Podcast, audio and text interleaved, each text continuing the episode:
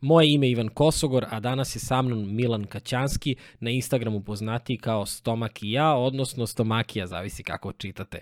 Danas smo pričali o tome kako je Milan uspeo da smrša 60 kg za 9 meseci bez jedne jedine dijete. Odnosno, krenuli smo da pričamo o tome kako se uopšte ugojio, kako izgleda taj proces kada pomerate stalnu granicu i kažete, e pa ok, sada sam stigao na 100, ok, 110, 102, koja je to krajnja granica kada kažete, ej, sada nešto moram da promenim, odnosno sada moram ja da se promenim. Upravo o ovoj prekretnici, upravo o svim tim načinima na koje je pokušavao da kasnije smrša, zašto mu nisu uspeli, koji mu je način uspeo, saznaćete u ovom razgovoru do detalja. U nekim trenucima razgovor je bio i dosta emotivan i mislim da ćete zaista, osim osim što će vas inspirisati da kažem da, da smršate i da krenete da da, da menjate svoj život, bit će vam jako inspirativan da se zapitate kako ste sebe doveli u određenu situaciju i kako da sebe izvučete iz te situacije, da tako kažem. Milan je zaista jedan fantastičan momak, jedan borac, uh, bio je dosta uporan i, i dan danas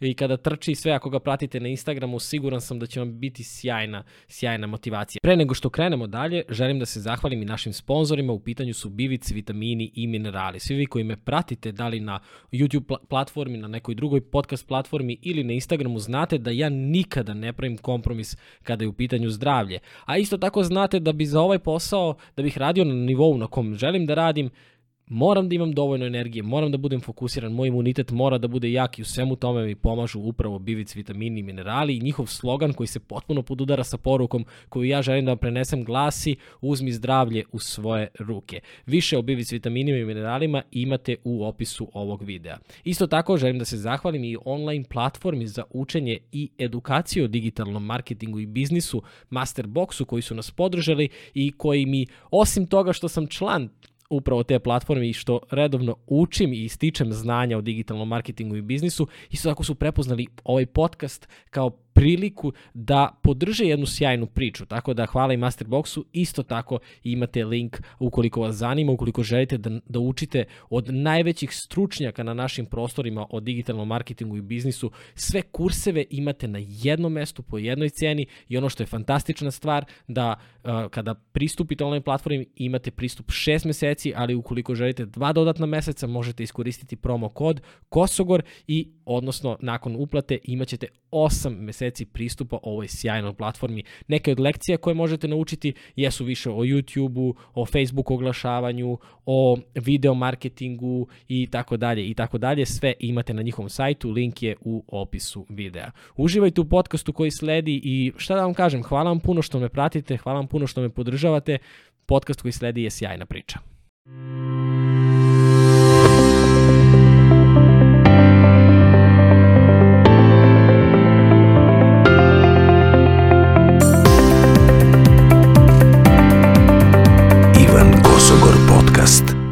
Danas je na Instagramu objavio da je mart mesec 2021. godine najbolji mesec u tvom životu.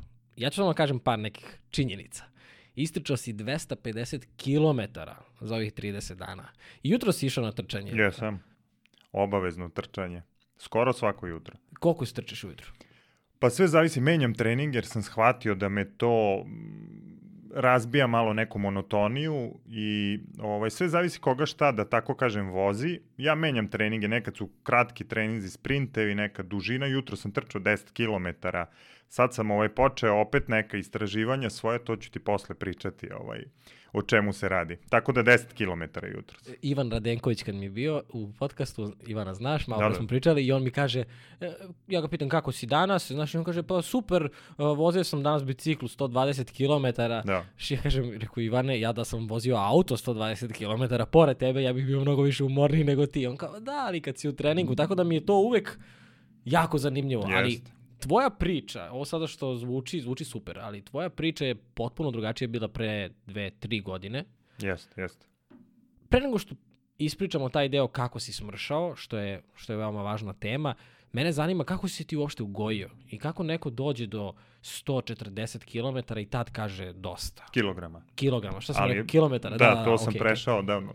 140 km. to si 7. marta prešao. Da, da. da pa znaš šta, ovaj, kao prvo hoću da ti se zahvalim puno što si me pozvao ovaj, u podcast i zaista cenim tvoj rad i gledao sam verovatno možda i sve podcaste koje si ovaj, objavio i zaista e, kao prvo volim podcaste, mislim da su dosta nekako opuštajući, oslobađajući, da je to neki novi oblik pa ne znam da li da kažem obrazovanja, možda je to prejaka reč, ali ja lično iz svog iskustva znam da sam jako puno stvari naučio iz podcasta, znam da ti voliš i da slušaš podcaste i oni su kao radio, znači, nisu nam potrebne oči da bi ih slušali i mogu se radi uz neku aktivnost i tako da ovaj, želim svakako da ti se zahvalim što si me pozvao, čast mi je e, što učestvujem u ovom podcastu i nadam se da će tebi i publici biti zanimljivo to što imam da kažem. Pa pazi, hvala ti puno. Ja sam siguran da će im biti zanimljivo, s obzirom da koliko te sada znam, a već imam utisak da se znamo 10 godina, a to kad klikne, to uvek vodi, jako je malo nezahvalno to reći na samom početku, yes. ali to uvek vodi ka dobrim razgovorima, a kao što si rekao, podcast je format koji ti dozvoljava da ja budem ja, da ti budeš ti, da u jednom neformalnom uh, okruženju i razgovoru koji nije skroz autentičan, ali je opet na neki način autentičniji od bilo kog drugog medija, daje ti mogućnost da edukuješ ljude. I meni se dopala ta reč obrazovanje, samo ja bih tu dodao neformalnog obrazovanja, da, da, da. jer mislim, rekao si i sam gledaš podcaste i ja isto i znam koliko sam stvari naučio, koliko mi je život zapravo izgleda drugačije samim tim što sam slušao, a plus to što imam to zadovoljstvo i sreću da kroz moj podcast, sada već više od 100 ljudi sam uh, upoznao i saznao neke nove informacije, znaš, kao život kao da iz jedne obične kutije se pretvorio ono na, u yes, najlepšu da. prirodu. Proširio vidike i mislim svako upoznavanje neke nove osobe, a pogotovo ovako nešto tako korisno koju ti priliku imaš da tako razgovaraš sa ljudima o nekim, da tako kažem, intimnim stvarima i da ulaziš duboko u nečiju priču, to je stvarno blago i rado volim e, da slušam podcast, a pogotovo u poslednje godinu, dve je taj trend da se i snimaju podcast i video snimak i stvarno to nekako upotpunjuje onako.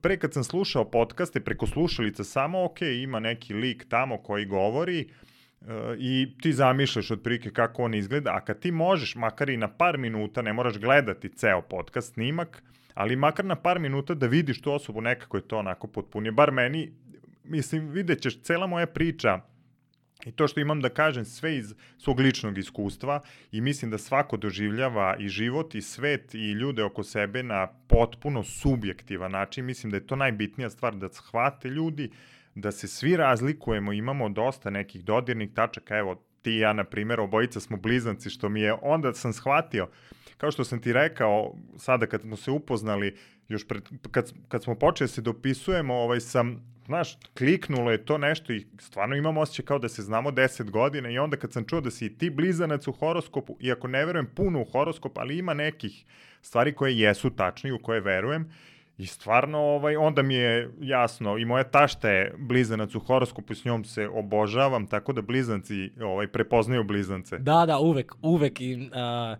imali smo u, u podcastu Mitar Pešić uh mhm. -huh. i, i Anči i na primjer, Mitar je blizanac, Ana je škorpija, Ema je škorpija, ja sam blizanac i pri, mi prvi put kad smo seli ovde da pričamo, isto ovde ispred, i kao sve ekstra, sve ekstra, i ono na kraju razgovora, jo, bez veze sam pitao, isto tako nešto nisam opterećen sad o, horoskopom i sve. Znaš, i kao, oni rekli, rekao, to je to. Pa da, prepoznaju to to. se ima, neke. Ima nečega. Jeste, jeste, slažem. Sad si spomenuo svoju priču i ja se radujem da čujem iz prvog ugla, se tako kaže, može iz prvog ugla, odnosno iz ovog ugla, tako ću reći, da čujem sve, celo tvoje putovanje. Ono što ja volim uh, kod ljudi je uspešna priča, ali pored uspešne priče ja mnogo volim kada je ta priča bila neuspešna, a danas je uspešna. Rezultati koje danas postižeš, 250 km za mesec dana, uh, kako se osjećaš, tvoje zdravstveno stanje, tvoje mentalno stanje, sve to fenomenalno i to bi bilo teško dostižno čak i da nisi imao problem sa sa kilogramima. I zato bih voleo da, da ne krenemo samo od tog mršavljenja, nego da krenemo od toga kako čovek dovede sebe do toga da ima, da ima 140 kilograma. Vidi, kao prvo, bojim se jedne stvari, bojim se jedne stvari u vezi ovog podcasta, to je da ću toliko, mislim da ćemo toliko raširiti priču, da, ovaj, znaš, nekako osjećam da sve ide prirodno, nismo se pripremali i ajde ti, ovaj, ako krenem da se rasplinjavam, ti reci, ovaj, pa ćemo suziti malo priču. odrastao sam, ja sam 1984. rođen, Orvelovska godina, ovaj, punim 37 godina u junu, i imao sam normalno detinstvo koji sva deca tamo, kraj 80-ih, 90-te, kakve su bile, jesu, mislim, ono da sad ne mračimo nešto i to ima sad poznata ovaj aktuelna je serija ova, eh, ali nećemo o politici ni o čemu, nego čisto to neko vreme koliko god hoću da kažem koliko god je strašno i teško bilo našim roditeljima. Ja sad kad sam roditelj ne mogu da zamislim uopšte kako je izgledalo njihovo roditeljstvo u tom periodu, a mi kao deca to uopšte nismo osjećali. I to je ono neka naj, najpozitivnija stvar iz svega toga. Vodio sam normalno detinstvo koji svi ceo dan smo bili na polju, igrali se, jedva su nas uh, uvlačili unutra da jedemo i to je bilo glavno da se družimo i svi smo tako odrasli i ja i svoju decu, imam dvoje dece, uh, stariji je uh, sin Andrej ima 10 godina, čerka Una 4 godine i njih učim i radujem se kad kažu da idu napolje, da ih jedva zovem da se vrate. To mi je nešto, najtoplije mi srce, pogotovo kako idu ova novija, moderno vreme, računari, sve ostalo, telefoni i svakakva čuda. Ovaj, nisam protiv toga, daleko je to, mislim da je to fenomenalna stvar, ali da sa svime treba znati kako i šta raditi, da sve koliko može dobro da bude, toliko može i loše, što ću kasnije i kod hrane ista. Sve, sve, sve radi po tom principu. I ništa, osnovna škola, e, srednja škola, upisao sam gimnaziju, Otac mi je, pokojni otac je bio poznati novosadski glumac i ja sam od, mislim, od svoje četvrte, pete godine se zarazio pozorištem. On me vodio od četvrte godine na predstave, na gostovanja i ja sam od četvrte, pete godine znao da ću ja biti glumac. I to mi je bila želja. I nisam nikada imao nikakvu uh, dilemu oko toga čime ću se baviti. To je bilo nešto i ovaj, bio sam u dramskim sekcijama i u osnovnoj i u srednjoj školi i to mi je išlo odlično. I onda sam završio gimnaziju i pokušao da upišem Akademiju umetnosti u Novom Sadu, više ne znam, sad kod imam 100 godina, ne mogu da se setim kad je bilo, pa ne znam, mislim da je 2003. I uđem u uži krug i ne prime me. I to je bio strašan udarac za mene, I otac mi kaže, ma kao šta će ti gluma, upišiti produkciju. I ja se malo tu informišem i upišem produkciju i nisam uopšte zažalio zbog toga. E, kako idu studije, išao sam na akademiju, upoznajem svoju suprugu 2005. godine. Počinjamo da se zabavljamo, sve e, manje vremena nekako provodim e, ludujući, izlasci, ne znam nija šta sve više vremena provodim s njom, što mi mnogo prija naravno. I polako ide sve to, sve ozbiljnija veza, ja završavam fakultet, zaposlio sam se odmah kako sam završio fakultet, zaposlio sam se u sterijnom pozorju da i dan danas radim kao pozorišni producent i odlučili smo da se uzmemo, onda smo odlučili da napravimo dete I kako to sve ide život, kako ide stvarno kad pitaš roditelje kako si, ono i kad gledaš neke starije ljude, ne znam, ugoje se, pa nije im ni do čega, pa nikad mi nije bilo jasno kako. A onda u stvari, kako si sve stariji, shvatiš da život melje. Pogotovo na ovim prostorima, gde je veoma stresan svaki dan, i onda u stvari shvatiš kako život samelje. Ja sam to veoma rano shvatio, izgubio sam oca kada sam imao 20 godina, I nekako sam shvatio da život, opet ponavljam na ovim prostorima, jako težak, mnogo teži, nego što mislim da bi trebalo da bude, i shvatim da u tom trenutku već negde da je u stvari neki spas u našoj glavi, u nama samima. I da, ok, na većinu stvari koja s polja dolaze ne možemo da utičemo. Ali je to i negde u budizmu i nekako tu e, nisam vernik, I zato što e, ako mi nešto nema logike i ako se ne povežem s nečim, ne mogu da, da, e, e, da verujem u to. Jednostavno sam takav. Ali ima nekih stvari u budizmu koje mi zaista imaju smisla, ta karma i onako dosta stvari i, i to je to u stvari, ako ne možemo da utičemo na ono što će nam se dogoditi, možemo da utičemo kako ćemo mi reagovati na to. I to sam rano shvatio i mislim da mi to mnogo uh, znači u životu i da na mnogo stvari, ovaj, uh, uh, mnogo loših stvari mi se dogodilo u životu, Ali sam se nekako prema tome postavio da ok, desilo se, ja nisam mogao da utičem na to, ali ću uticati na to kako ću se nositi sa time. I onda sam se nekako možda i pripremio na taj deo koji je sledio. A to je, znači, rodilo se prvo dete, da se vratim na priču opet, sad sam otišao, ali kažem, nekako tako teče misao i onda ovaj samo pričam. Ako, ako nešto ne odgovara ti me prekini ili ovaj postoji ne, ne, neko zvuči, podpitanje. Ovo mi stvarno zvuči kao jedna standardna priča u kojoj svako može da se pronađe. Mene zanima, sve ovo ide lepo, mislim, u smislu, ne mislim lepo događaji koji su se dešavali, ali prosto si ti lepo izlazio na kraj sa tim događajima. Šta se desilo da si skrenuo i da, koliko si imao kilograma kad si imao 20 godina? Naprimjer, jesi imao probleme sa, sa ne, kilažom? Ne, nisam, da, nisam to sam imao. shvatio iz priče. Bio da. sam malo puni kao dete, ali čim sam počeo rekreativno, ono u osnovnoj školi ko što su i svi radili košarka, futbol, odbak, trenirao sam, ne znam, 15 sportova. Ovaj, to je još jedan strana blizanaca da, da ovaj, Nema šta stvari, nisam trenirao. E, pa to, to. Sve živo sam stvarno trenirao i ovaj, najduže sam ostao tu negde košarka, odbojka. I čim sam krenuo da treniram, te sportove, onda odma ovaj su tu kilogrami otišli i kako se razvijaju tinejdžeri, deca i to, odma ovaj sam se nekako izvukao u visinu i nisam nisam imao problema sa kilažom. Ka, kad onda dolazi deo da krećeš da se gojiš? Koliko ti treba u stvari da se gojiš da dođeš do te Pa znaš šta, to je kao i sve što ide, ovaj, to je kriva jedna. Tako ide i mršavljenje, tako ide i gojenje, tako ide većina stvari u životu. Ništa ne ide onako da je sad sve uh, da ide u jednom pracu ili samo da propade ili samo da se penje, nego je stvar u tome što sve ide ovaj gore dole sve vreme, ali bitan je pravac u kom idemo.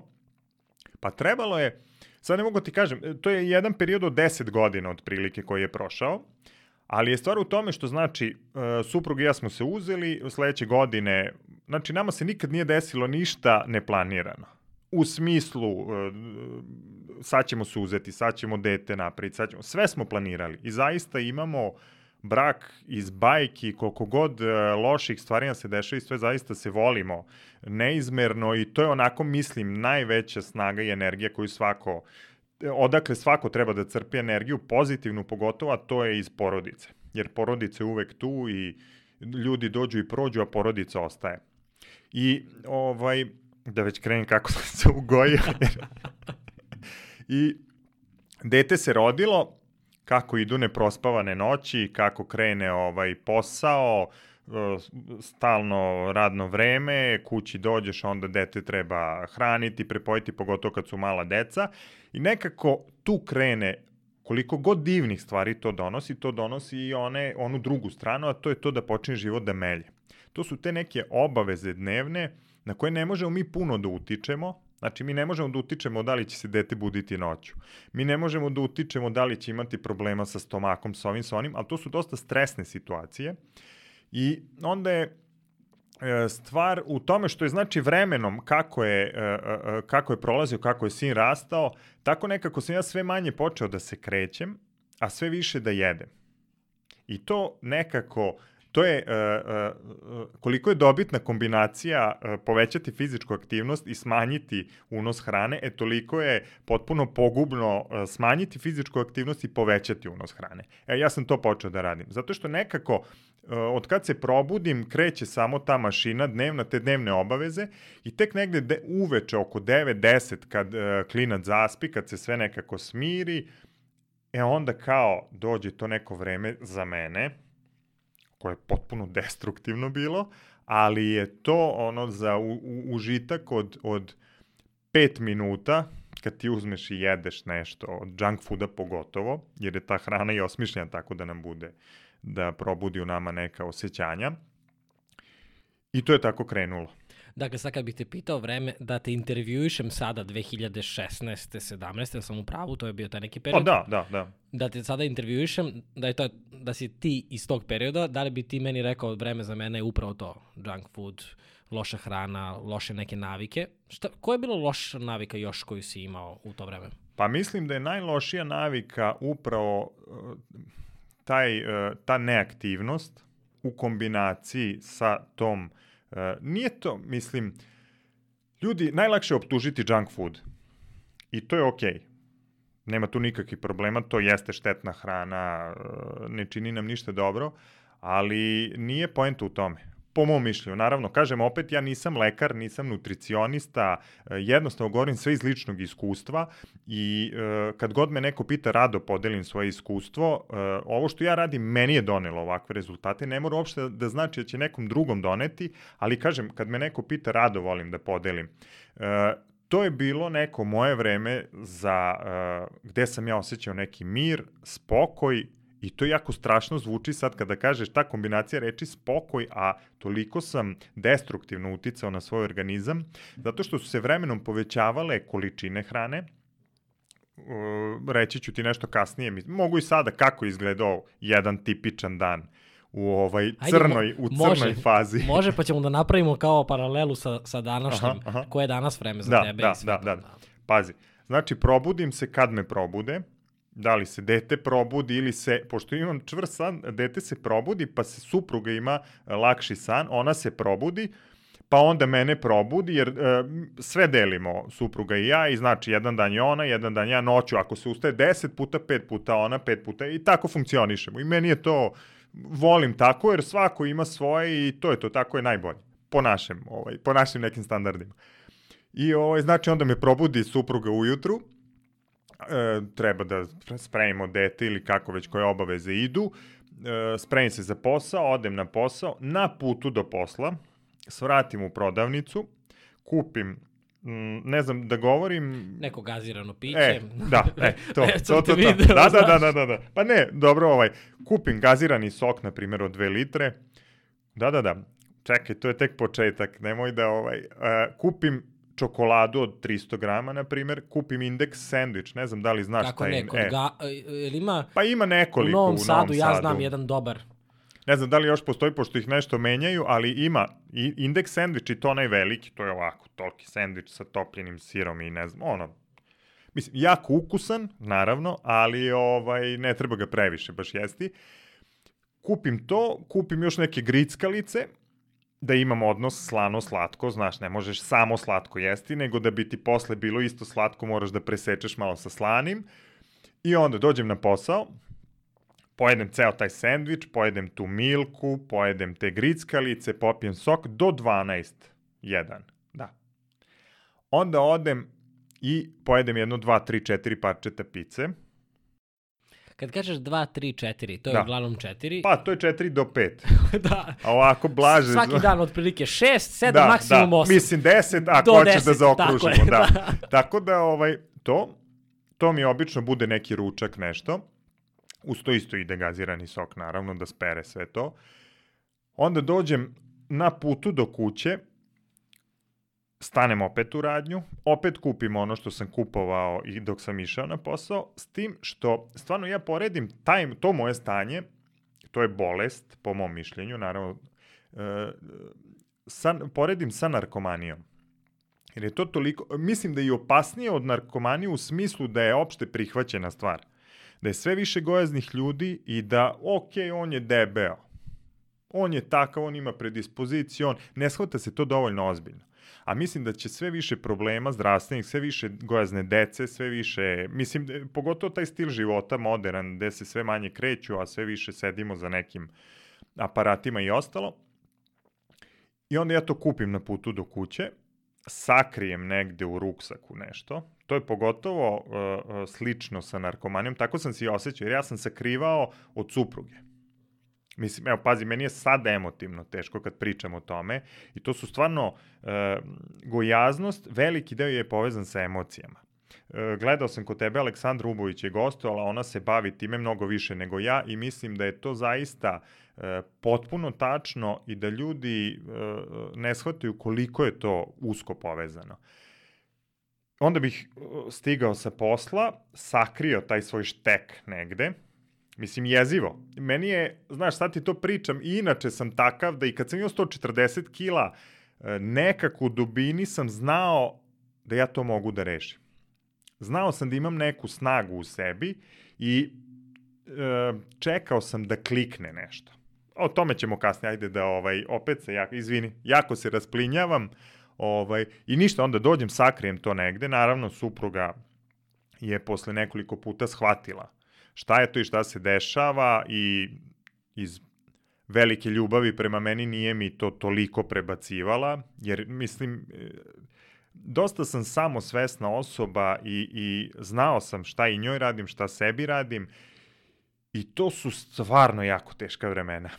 Neću zaplakati sad, ali ovaj ali osjećam se tako jer vraćam tu emociju i znam koji je to začarani krug i koji je ono ujutru 7 kažem sebi, ok, danas idem, danas krećem i smršaću, u 7 i 15 već grickam nešto.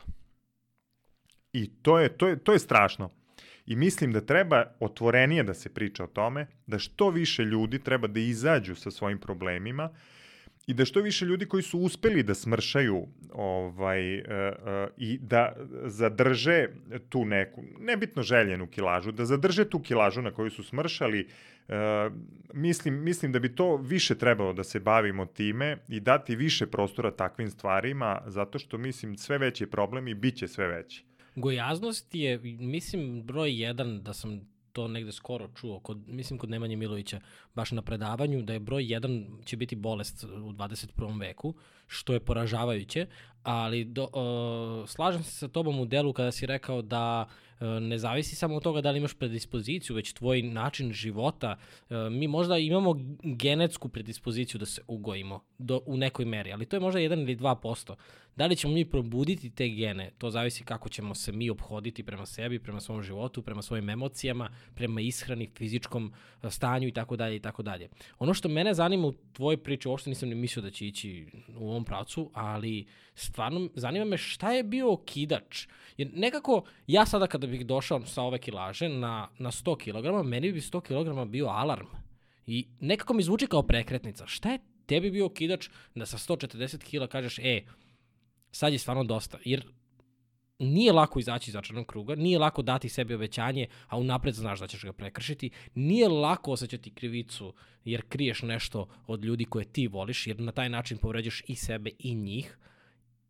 Nije lako živeti sa tim. Šta je okidač tu? Da, pa vidi, e, pazi, sad kada ovako, znao sam da će se razviti ovako razgovor i baš mi je drago zbog toga, cela jedna priča, ceo jedan podcast bi mogao se snima o tome kako ono izgleda život sa 140 kila, koje je to preživljavanje, koje je to skrivanje od ljudi, da na poslu sam imao fioku gde sam gurao, pa ono ti jedeš, pa, pazi, ovo nisam nikad pričao i, i, i ovaj, pa ja jed, čisto delim svoje iskustvo da ljudi znaju da nisu sami u tom problemu. To je jako bitna stvar, jer uh, tebi deluje da si sam, ali je mnogo lakše kada čuješ da neko ima tvoj problem, sličan problem kao ti, da vidiš da ima izlaza iz toga. Zato sam ja i krenuo svoju celu priču i da delim to, Ovaj, I onda ja uzem, znaš, da uzem zaloge brzo čokolade, onda ne ilazi neko od kolega, ja brzo guram, na, mislim, to su strašne stvari, neverovatne. Sva sreća, pa sam ja tako pozitivan i sve, znaš, pa ovaj sam, ali jako, jako je teško to. E, pitao si me za okidač, Pazi, ja sam sebi kao zacrto nikad u životu neću imati pre, preko 100 kg. Onda dođeš na 101, pa kao ajde 110, pa do 100, znaš, to sve ide tako. A ja sam ono što je najparadoksalnije, u tih 10 godina, na primer, koliko sam se gojio, sve vreme bio na nekoj dijeti. Što je najstrašnije, većina ljudi, sad da ih pitaš, e, koji imaju problema sa kilogramima, a sve više nas ima tih problema, su uh, na nekoj dijeti. Ili ako nisu sad, bili su ili uh, planiraju da idu. I sve vreme sam bio na nekoj dijeti i zašto svaka dijeta donosi rezultat jeste zato što ti u tih prvih mesec, dva promeniš svoje navike. Znači, postaneš fizički aktivniji i smanjiš količinu hrane. Ali, što je ta dijeta restriktivnija? Znači, što je izbačeno ne, neke stvari, što je ja znam moj stav i ono šta zastupam e, i moje mišljenje se razlikuje od dosta ljudi. I nemam problema s time. Ja iznosim ono što mislim, uvek sam spreman na razgovor, na diskusiju, šta god. I uvek sam za to da svako treba da pronađe šta njemu odgovara. To je najbitnija stvar. Razlikujemo se, meni odgovara ovo što sad radim, kao što si sam rekao, evo, danas je uh, u, u martu sam istrčao nešto neverovatno. Mislim, meni cifra od 250 km da sam ja istrčao. koji sam pre dve godine što kažu, ono couch potato bio, ležao i samo jeo i, ma, mislim, pazi, nazuvanje čarapa mi je bilo teško. Savijem se, onaj stomak oko mene, masnoća, savijem se, ne mogu da dišem, jednu navučem, jezivo. Ali to ljudi ne shvataju. Pogotovo ljudi koji su mrše, koji nisu imali problema s kilažom, ne shvataju. Ali oni ljudi koji imaju veliki više, kao što sam ja imao, znaju, znaju o čemu govorim i svaki, život, svaki dan je preživljavanje. Znači, od jutra do večeri je pitanje kako ćeš izgurati. Da sam ti ja tad rekao, mm -hmm. da ti neko tada rekao, e, slušaj Milane, ok, sada si u ovoj situaciji, veruj mi, dve godine, tri radi, promeni navike, uradi ovo i moći ćeš da istrčiš u 30 dana 250 km. Koji bi tvoj komentar bio? Šta bi, šta bi ti pomislio? Pa vidi, pošto sam tako, ovaj, kažem ti malo, ne znam, što moja supruga kaže, ekscentričan ili kako već, lud ili... Uh, bila bi mi zanimljiva ideja. u smislu ideje. Zato što ja lično funkcionišem uh, od cilja do cilja idem. Znači, postavim sebi cilj i gledam da ga ispunim. I stvar je u tome da vremenom sam naučio da e, kada dođem do nekog cilja i ostvarim ga, odmah postavljam sledeći. Jer dosta puta sam postavljao neke ciljeve i kad stignem do njega, kao to je to, uspeo sam, proslavim i ako nemam dalje cilj, nema šta da me, da tako kažem, vozi. Nema šta da me gura, padne motivacija i vratim se na staro. Tada da si mi rekao, mislio bi da je dobra ideja i na tome bi se završila. Verovatno bi uveče otišao, opet jeo i tako bi se nastavila. Ok, sada imaš 140 kg. Kako je mršavanje postalo tvoj prioritet? okidač, pitao sam te malo pre, da, da. došli smo do toga da si pomerao granicu, da, da ćeš da. posle svake određene granice da se vratiš. Šta se dešava? Zašto je postalo? Šta te motivisalo? Dešava se to što kao što sam ti rekao, u tih 10 godina sam bio na desetine raznih dijeta, stvarno sam sve živo probao i nikad nisam imao neke osjećaj da, da je to nešto čega mogu da se pridržavam za ceo život. A mislim da je to glavna stvar. Da su najbitnije promeniti navike, ali o tome ću nešto kasnije, ajde opet se rasplinjam, a nikako da ti odgovorim na pitanje. E, ono što je bio kidač jeste da više mi je bilo dosta svega, da mi je pukao film, da mi je dosta bilo svih suludih dijeta, da mi je dosta bilo tog začaranog kruga koji je počinjao rano ujutru posle pomisli ja ću danas nešto uraditi i u 10 minuta posle toga kretao i uveče je uvek bilo ono poješću još ovo, ajde, počastit ću sebe, poješću još ovo od sutra, nema šanse da ću nešto. I dosta mi je bilo toga. Imao sam um, 22. februara 2019. godine sam stao na vagu, imao sam 142,2 kg. Noge su mi bile otečene, krvni pritisak 150 sa 100, puls 100 otkucaja srca u stanju mirovanja, lekarka mi je već je htela da mi prepiše uh, lekove i što je najluđe, ja sam i pored tih kilograma i svega toga igrao futbol, na primjer, jednom u 10 dana. Koliko god to opasno i strašno bilo i koliko god sam time uništio svoje kolene iz globove, ne uništio, nemam ja problema s kolenima iz globovima, sva sreća, imam tako neke predispozicije da imam kvalitetne kolene ovaj, iz globove, ali sam ih jako oslabio time. I tog dana sam rekao sebi, ajde da ovo bude poslednji put da probam da smršam bez ikakve dijete.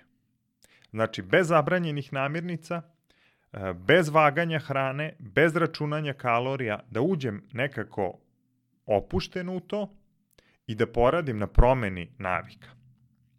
Znači, navike su ono što nas čini, navike E, su me dovele do takve situacije, sam sam, nikad nisam bio od onih koji su kao ne znam od čega se gojim. Kao eto, ja ne jedem ništa, a, a na mene se lepi. Eto, imam predispoziciju, otac mi je preminuo 56. godini od srca, tetka je preminula, isto od gojaznosti i srca, e, to su predispozicije o kojima si ti govori, ali predispozicije su baš to, predispozicije. Znači, postoji mogućnost, mala, to što si ti rekao procentualno, na nama je šta ćemo sa time da radimo. I krenuo sam dan po dan. Znači, zacrtao sam sebi da ću lagano da smanjujem hranu i da ću polako, u prvih mesec dana sam sebi zacrtao da ću svaki dan pešačiti 5 km. To mi je bilo, to je minimum bio koji sam uh, mogao i morao da ispunim. I prvih mesec dana sam samo pešačio po 5-6 km dnevno, brzi hod neki, pošto sam imao 140 kg, znojio sam se, zadihao, skakao pritisak, bio crveni sve, ali je to jednostavno put, bio sam svestan da je to put koji moram ići. I, i čak, pazi, u prvih 10 dana sam sebi zacrtao da ću biti na posnoj ishrani. Zašto? Inače, verujem da je veganska ishrana, pored toga što je toliko sad popularna i sve marketinški, mislim da je zaista najbolja ishrana za, uh, za ljude. Ja se ne pridržavam veganske ishrane zato što sam isto tako svestan da ne mogu da se pridržavam toga. Bio sam šest meseci u jednom periodu svog života vegan, zaista sam se fenomenalno osjećao, organizam mi je pokazao da je to ono što mu prija, ali jednostavno mozak je tu i teško mi je bilo jako, okružuje nas sva ta hrana i sve ostalo, to je priča i tema za neki drugi razgovor, ali sam 10 dana bio na posnoj ishrani. Iz tog razloga, zato što sam bio toliko, da kažem, zagađen tim junk foodom. Uh, junk food je tako napravljen i osmišljen da što ga više jedemo, više nam se jede i samo rastu količine.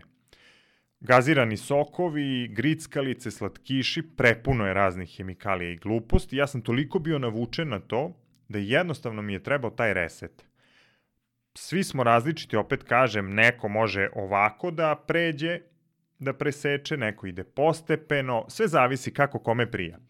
10 dana sam bio na posnoj ishrani, Kao neka vrsta detoksa, ako te ja dobro razumem. Pa na taj fazon, ali znaš šta... Mislim u glavi detoksa, jeste, ne mislim klasičan jeste, detoks. Jeste, Da. Pazi, ja sam stvarno probao milion stvari, volim jako da eksperimentišem i evo sad sam došao do nečega što je to to što meni odgovara. Postio sam na vodi jednom prilikom 12 dana, samo na vodi, iz radoznalosti. I mislim, neverovatna su, zaključici su neverovatni, ali ovaj, opet kažem, to je za neku drugu, neki drugi put. E, resetovao sam se uz pomoć toga, izbacio sam, uh, izbacio sam dobar deo te hemije iz sebe, odvikao se od toga. Ja nisam slatko jeo, na primjer, ne zato što sad kao ne smem da jedem slatko, nego nisam jeo, na primjer, prvih mesec dana. Zato što sam se u tih 10 dana skinuo sa slatkiša i onda sam, jednostavno mi se nisu jeli, ali nije postojao taj pritisak kao na većini dijeta kao ne smeš. Mi kad ne smemo nešto, mi onda samo to hoćemo. Sad ti kažu nemoj jesti, ne znam, šargarepu. Ti bi razmišljao, ali je dobra ta šargarepa. Mislim, bilo šta. E, upravo iz toga mislim da većina dijeta nije uspešna i mislim da generalno dijeta na duže vreme nije dobro rešenje. Ok, nedelju, dve, tri mesec dana, malo da se pokrene, ali to je to. Je to. I onda sam tih prvih 10 dana tako krenuo i e, posle tih 10 dana počeo sam normalno da jedem svu hranu, sve. Ovaj, I u prvih mesec dana mislim da sam skinuo oko 12-13 kilograma. Kad kažeš normalno da jedeš, da li si smanjio obroke, da li si, i dalje si izba, izbacio sve svu lošu hranu, gazirano piće, te, sam te dobro Gaziran, ispratio? u tih prvih mesec dana jesam, ali posle tih prvih mesec dana sam vratio većinu stvari nazad. Mislim, na primjer, gazirane sokove ne pijem ni sad, jako, jako redko, ali čisto zato što mi se ne piju. Ne sad zato što će se meni nešto posebno desiti, uh, nego jednostavno ne piju mi se. Kad mi se budu pili, piću ih. Neki period, neću sad preterivati, ali mi smo ono što radimo u 90% vremena svog, a onih 10% uopšte ne utiče toliko na... A kaži mi, malo, malo pre si rekao jednu super stvar, to je da ono što ne smemo, stvara nam se, kao, kako da ti kažem, kao ako imamo neki otpor, onda mi jačamo zapravo to. Znači svemu što govorim, ne pojačava mi se želja da to i, i imam. To je nekako, ja mislim, naša priroda. Šta misliš, zašto si ti ovog puta uspeo u, toj promeni navika? Mislim da sam uspeo zato što nisam sebi postavio neke neostvarive ciljeve, to je pod jedan. Pod dva, zato što sam prvi put sam nekako krenuo u to da slušam svoje telo i svoj organizam.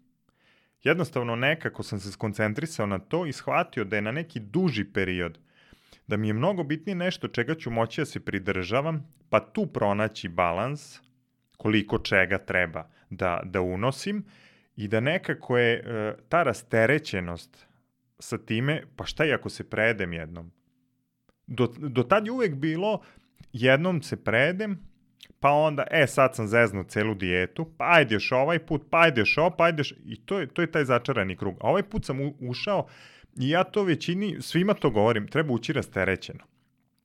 E, suština svega ovoga jeste promeniti svoje životne navike. Ali ne treba menjati navike sve odjednom, jer je to jako veliki pritisak i treba biti blag prema sebi. Dosta smo bili strogi prema sebi i dosta smo, uh, uh, mi smo sebi najveći sud, da tako kažem, i najstrožiji. I treba blago ući u to i raditi jednu po jednu stvar. Ja sam radio tako što sam, na primjer, nedelju, dve se skoncentrisao eto, imaću tri obroka i uvešću užinu između ako budem gladan. I to da budu tri normalna obroka, ne sad ono tri tanjira, nego jedan, možda jedan i po ako budem još gladan i da sve bude uključeno u taj obrok, da nema, mislim ja pogotovo ja obožavam ugljene hidrate, ljudi su ono uplašeni od ugljenih hidrata i to nije u tome suština, ali sam gledao da svega bude u tim obrocima, da, ništa ne, e, da mi ništa ne nedostaje, i da to bude, evo, ove nedelje, cilj mi je tri obroka, da imam možda neku užinu i to je to. To je, to je veoma jednostavan cilj. Mnogo jednostavniji nego reći, ne znam, ja ću jesti 2000 kalorija dnevno i ne znam, izbacit ću e, masnoć, mislim, to je jezivo. Ja, svako ko je malo dete imao zna šta je merenje hrane i ovaj, i, i vaganje i količine i ne znam šta. Bitne su količine, ali sam ja do njih došao vremenom. Tako što sam smanjivao. I što sam išao, e, postavljao sam sebi male ciljeve. Ostvarive i kratkoročne ciljeve. Imao sam dugoročan cilj da smršam, da povratim svoje zdravlje, jer mi je bilo poražavajuće sa 35 godina da počnem da pijem lekove za pritisak, da ne mogu da se pomerim, da ne mogu da se igram sa svojom decom, da ne mogu da obujem čarape, da kupujem odeću, bila je jedna ili dve možda, mislim, to su jezive stvari, to ljudi ni ne znaju. Ti ne možeš naći, ja sam bio 3 ili 4 XL. Znači, XXX. Meni je neverovatno, izvinim se da. da prekidam, meni je neverovatno, ja sam prvu epizodu podcasta snimio u januaru 2019 i uh, to nije bio razgovor sa sagovornikom, nego sam ja samo pričao. Tek u avgustu 2019. kreće redovno svakog petka. Što znači da si ti negde počeo da mršaviš otprilike u periodu kada sam ja počeo da snimam podcast. I ti i ja danas sedimo ovde i snimamo podcast. Da. I meni je ovo istorijski trenutak našeg prijateljstva. Zašto ti to kažem? Zato što mi je neverovatno da ne mogu uopšte da te ubacim u svojoj glavi sada dok pričaš. Ja pokušam da napravim tog duplog čoveka, malo da. ne. Ti si izgubio 60 kg, da. ja imam 65, znači izgubio e, si mene. Tebe sam, da. Ali sad sam te opet pronašao. Sad da. Ali, znaš, stvarno mi neverovatno ta transformacija koja sad ide, kao, šta ti je bilo najteže da sorry ako sam te prekinuo, nešto si Ne, ne, ma kak, vidi. Koja navika ti je bilo najteže da promeniš? Sad počeš se pričaš da ne možeš da kupiš majice, da nikada da, nisam da. razmišljao da. o tome.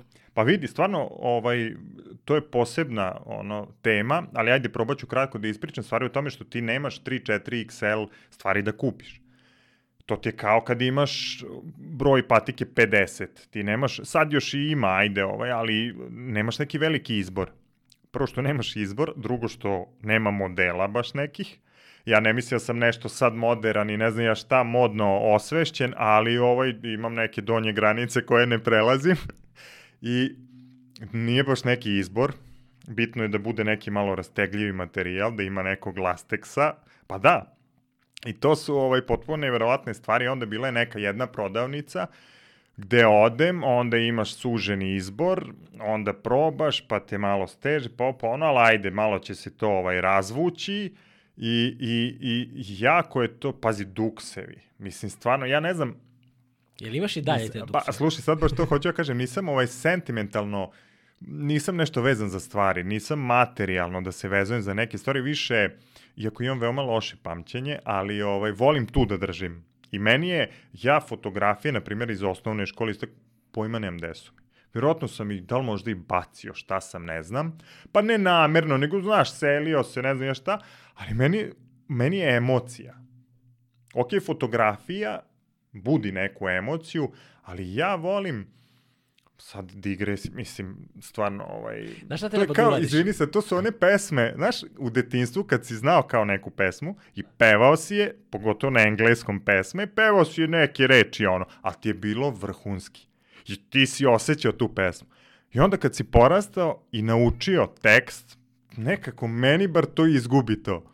E, isto tako i s fotografijama. Ja imam svoju neku emociju, svoje pamćenje, koje često nije baš to, ko žena i ja kad pričamo ovaj, šta smo ono, na početku šta je bilo, ja imam neku memoriju, obično to nije baš tačna u potpunosti.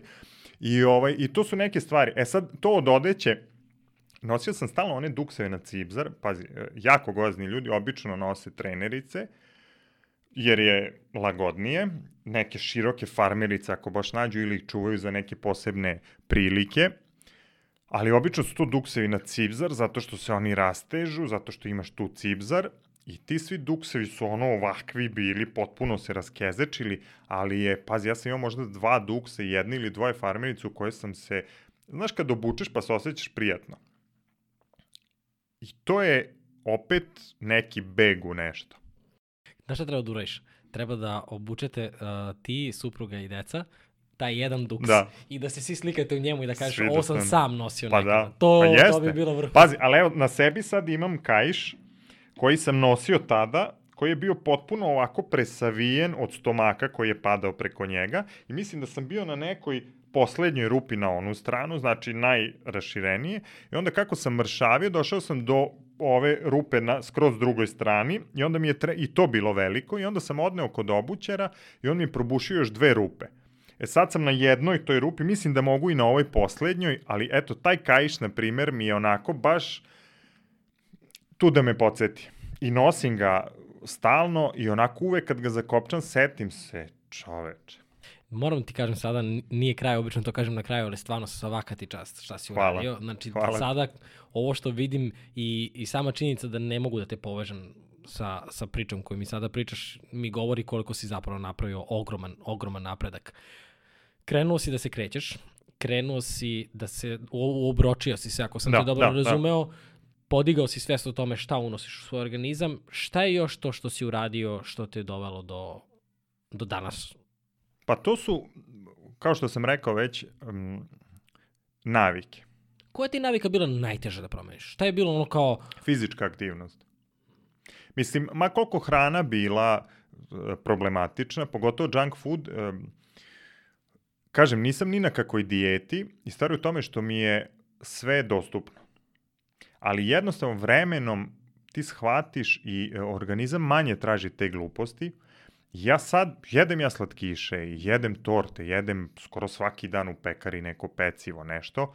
To ili su pametniji izbori neki, u smislu proja, gibanica, to što se jelo. Ja jedem hranu koju su ovde jeli, koje mi jedemo već vekovima. Pasulj, boranija, grašak, najjednostavnija hrana. Ne volim, što je komplikovanije, to je teže održati. Nije mi bitno uopšte šta ću imati za sledeći obrok, bitna je količina.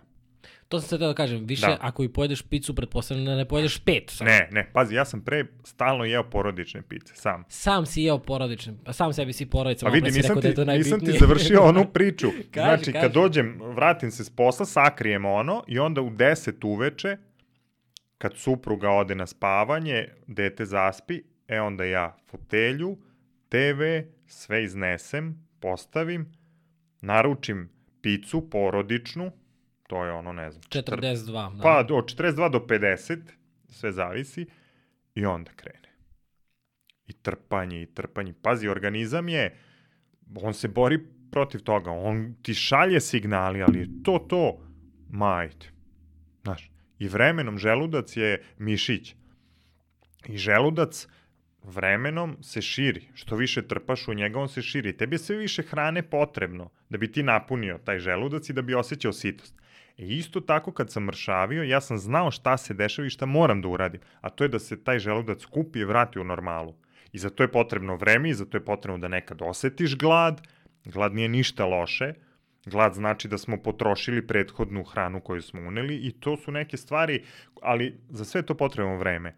Sad kad si rekao glad, ali kod igre gladi je jako važno razumeti zapravo igru gladi, a to je da, sad sam rekao igru gladi, igru gladi, ali na, naš, naša sam mislio, a to je da ti često nisi ni gladan zapravo, nego imaš video si negde hranu i proradio ti je kao onaj Pavlov, Pavlov Da, da, da, kad krene simptom, sa da. kerovima što su radili. I da, tako dalje, i tako dalje, tako da baš moraš imati svest o tome šta radiš. I slažem se s tobom za, za hranu u smislu, ja nemam potrebu toliko za recimo slatkišima, grickalicama i tako dalje i imam utisak da ako i imam nekada, trudim se da posle toga ne osjećam krivicu, a znam da mogu vrlo lako da upadnem u to, jo, zašto mi ovo trebalo sad, znaš.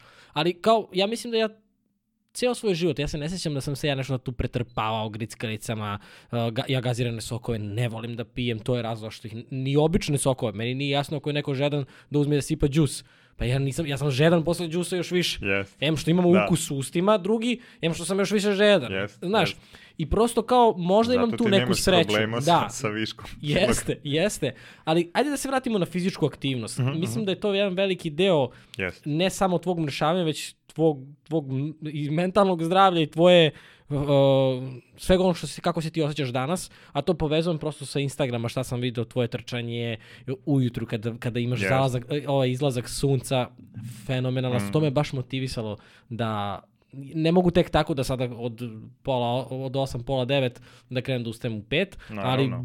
hoću malim koracima jer bih voleo to da doživim. Kaži mi Da li si imao trenera? Kako si sprečio povrede? Jer prosto nije lako krenuti sa 140 kg. Da. Ovaj, šta, šta je bilo, kako, kako si ušao uopšte u fizičku pripremu? Pa vidi, meni je, ja sam se bavio rekreativno raznim sportovima, ali su sve to bili sportovi gde nije nešto previše bilo trčanja, ajde sad košarka, futbal i to, ali u odbojci onako više refleks neki brza reakcija, nema toliko baš da ti pretrčiš i meni je trčanje bilo, to sad neko kad čuje, pa najgora stvar na svetu. Ti sad ideš i trčiš. To Pa, sam i ono te čuo neko tebe, juri? e, Da, da, to sam znači. tebe čuo u podcastima. A pazi, meni se to desilo na moru kad smo bili, isto sam ustao u 5-6, u Crnoj Gori smo bili, i onda sam trčao ne znam koliko, i deda neki isto crnogorac, možeš misliti njemu, ono, gdje ćeš ti, gde, šta, ko te juri, bog. E, to je to. Da, I da. ovaj meni, ja sam mrzeo trčanje. Pazi, ja sam u prvom srednjem za peticu je bilo kao da se trči 10 minuta, mene je profesorica molila da istrčim 10 minuta, jer je znala da mogu, ali da neću. I nisam uopšte voleo da trčim. Mogao sam ono neki futbal, nešto što ti odvuče pažnju od samog trčanja, ali počeo sam da trčim negde 2016. možda, nešto lagano, nekih možda došao sam do 5 km, to je trajalo 2-3 meseca, verovatno se preforsirao, ko što obično bude na početku, i odustao. I onda sam posle tih prvih mesec dana e, samo hoda, sam opet zacrtao sebi mali cilj. Pošto sam video da se tu dešava nešto i da taj brzi hod topi nešto, otišlo je tih 12 kg, opet meni nije bio cilj da ti kilogrami brzo odu. Ni za tih 9 meseci otišao 60, meni to nije bio cilj. Nije bio krajnji cilj. Bio mi je cilj da smršam tu kilažu neku, dok se ne budem osjećao da je to to, ali nije bio za tih 9 meseci, to da mi je bio cilj, vjerovatno ne bih ni uspeo. Nego je to nešto što ide, to je ono uživaj u procesu. I zaista Ovo je jeste baš zanimljivo tako. što si rekao sada. Da. Kao, mislim da veliki broj ljudi, ja sad počinjem da generalizujem, to ne volim, ali nekako mi ima logike da kada kreneš da smršaš, ti si u kalkulacijama ko, koliko sam ko, koji dan izgubio, a zapravo taj gubitak kilograma ti dolazi kao uh, nešto što dolazi usput kada ti promeniš svoje navike i svoj život. Jest, jest. Mislim da radiš jednu vrlo dobru stvar sada u ovom razgovoru, a to je da si, barem, evo ja sam do sada odradio oko 100 podcasta, preko 100, zavisnosti kada će ovo izaći, ali... Uh, Neću biti stoti. mm, znaš kao, Onda, onda. Da, da, kao sjeci. Ali stvarno si uradio, radiš jednu fantastičnu stvar, a to je da se ruše ti mitovi, jer koliko god da sada ljudi koji slušaju ovo, pogotovo ljudi koji imaju problem sa kilogramima, su uglavnom navik, navikli da im neko servira instant rešenje, da li je to pilula, da li je to uh, određena dijeta, da li je to nešto što je abstraktno i nešto što je jako opipljivo. Ovo što ti sad meni pričaš, meni nije lično opipljivo, ali ja imam utisak kao da si ti prešao igricu u smislu ti odlaziš do jednog novog nivoa, a to je uh, snimio sam juče podcast baš uh -huh. o, o, sa ljudima koji imaju problem sa vidom, sa dioptrijama. Da, I vidim. šta rade naočare? Naočare rade to da tebi pomognu da tvoje oko vidi, ali zapravo manje tvoje oko i radi. dalje ima 100% funkciju vida, ali tvoj mozak je ne koristi. Žena ko, sa kojom sam pričao mi je objašnjavala kako kada utičemo na mozak, kako radimo vežbe mozga, mi poboljšavamo dioptriju. Što je za mene bilo kao, wow, ne lečiš uzrok, nego ideš tamo gde je ne lečiš posledicu, nego ideš tamo da je uzrok i direktno, Direktno, se... Mislim naravno. da si ti upravo sa ovom pričom, sa ovim, uh, sa tvojim jednostavnim pristupom, gde je ono kao što si rekao, pre nego što smo krenuli da snimamo, kad si rekao, ej, kao, ni- nije, ovo- ti si, ti si došao do toga, ti si sebe doveo dotle, ti možeš sebe i da vratiš, to je fenomenalno, ali način na koji se ti vraćaš je meni, kao, meni prosto ne, zvuči mi sada čudno ovo što ću reći, ali kao meni izgleda kao, da li je moguće da se ceo svet zapravo bazira sada na dijetama, fokusira se na te stvari, umesto na ovo što ti sad, ovo, je osnovne Da, stvari. da, da. Pa vidi, stvar je u tome što ja, mislim, tu nema tople vode. To je toliko jednostavno i, i, i da, da, da, to je nešto što se ne može prodati ljudima i zato nije zanimljivo. To je ono što kao farmaceuti, to njima nije u cilju da mi budemo zdravi, nego da vrte tu bolesnu stvar jer tako zarađuju. E tako mislim da je ceo taj marketinški deo, da je dijete su prvo nastale marketinški kako bi neko zaradio na tome. I to je sad sve više se to pokazuje, ne znam, ove decenije šećer je najgori, pa je sad masnoća najgora, pa je sad ovo najgore i to se samo vrti šta je moderno. A svi imamo neke bake, deke koje su do 90. stigli, koji su jeli ljudi sve, aktivni bili, jeli umereno, i, mislim, to je, to je suština života. Sad si upravo dao i taj recept.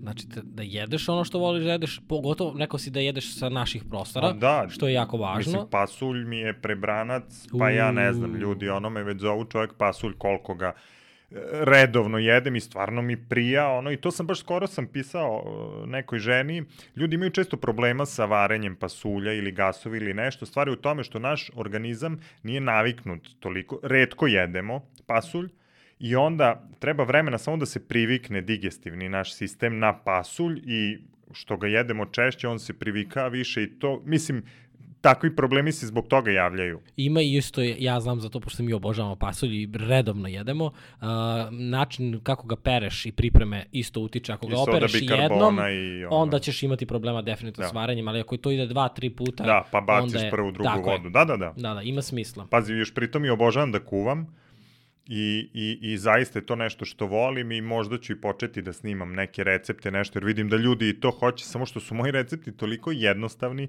ja nemam nikakve fancy namirnice i nešto, I opet kažem, bitna je količina hrana, ko, hrane koju jedemo i bitno je da uživamo, da, da nam se sviđa to što jedemo. Ok, naravno, postoje neke stvari koje su zdrave, koje mi ne volimo zato što možda nismo navikli i treba probati nekoliko puta i videti, navići ćete se na to ako vam prija, ali isto tako mislim da ne treba jesti nešto zato što je moderno, meni je lično ne prija avokado. Ja ga ne jedem. Svi živi avokado, avokado, ne pada mi na pamet. Ne prija mi velika količina belog luka, jedem ga malo. Znaš, svi, svako ima subjektivni osjećaj, svako ima subjektivni doživljaj sveta u kom živimo i svakom organizam tačno govori šta odgovara, šta ne odgovara. To i da vežem sa tim treningom o, o, o kome smo krenuli, postavio sam te kraće ciljeve, pazi, ja sam stigao, sve je stvar kontinuiteta. U treningu je stvar kontinuiteta. Znači, bolje je trčati e, u početku dva put, tri put nedeljno, bolje je trčati po dva kilometra, tri dana, sa danom pauze između, nego jedan dan istrčati šest. Mnogo je, to je taj kontinuitet, bolje kraće i sporije trčati, ali gledati to na duge staze, to je isto kao i kod mršavljenja. Znači, ja sam počeo da trčim po 100 metara. Ajde, istrčat ću tri put po 100 metara. Pešačiću između. Istrčao. Ajde sad 500. Istrčao. Ajde kilometar. Ajde ovo. Sad sam stigao, pazi, 250 km u mesec dana. Meni je to, vežbao sam 26 dana u martu. Što je meni nepojmljivo. I sve čekam da će, jako sluškujem svoje telo. I sve čekam negde ću, znaš, nešto će me zaboleti, pa ću odmoriti, pa ću nešto, nikome ne vija što kažeš, niti me tera ujutru da ustajem, ali ovaj, to se ne dešava. I jednostavno pratim ovaj to kako se osjećam, sad učestvujem već na planinskim trail trkama po 25-30 km, plan mi je možda ako bude Beogradskog maratona, mada sumnjam da će biti kakva je situacija, ali jednom će ga biti da istrčim taj maraton, posle toga da istrčim ultra trku, znači preko 42,2, pogotovo planinsku ultra trku, to je onda onako, pošto planina je druga priča potpuno i od kad sam počeo te trail trke po šumi, stvarno je čovek e, usko povezan sa prirodom i zaista je to potpuno drugačiji doživljaj. Zašto trčim u pet ujutru? Ne zato što sam pročitao knjigu Ustaju u pet ili kako se da, zove već. Da, sam da te pitam. Ne, nisam, da, da. nisam, ali je to isto nešto, on je prvi to napisao, ako je i napisao prvi, ali je e, postala poznata knjiga to su potpuno neke logične i normalne stvari. Ja ću, sad ću baš za par dana, o, došao sam do neke nove informacije, stvarno što ti kažeš kad čuješ od nekog nešto ili sam iskopaš negde, kako je moguće da, da, da svi ne znaju za ovo. Tako i sa ovom ishranom, meni je potpuno neverovatno da meni svaki dan ja dobijem od 50 do 100 poruka na Instagram i na svaku odgovorim i ljudi stalno pitaju slične stvari i svi traže neki tajni recept, svi traže neku tajnu namirnicu, to sam ti rekao da bih verovatno bio milioner da prodajem neki tajanstveni čaj koji topi kilograme, ali nije uopšte u tome suštini, ne postoji tajni recept i ne postoji prečica.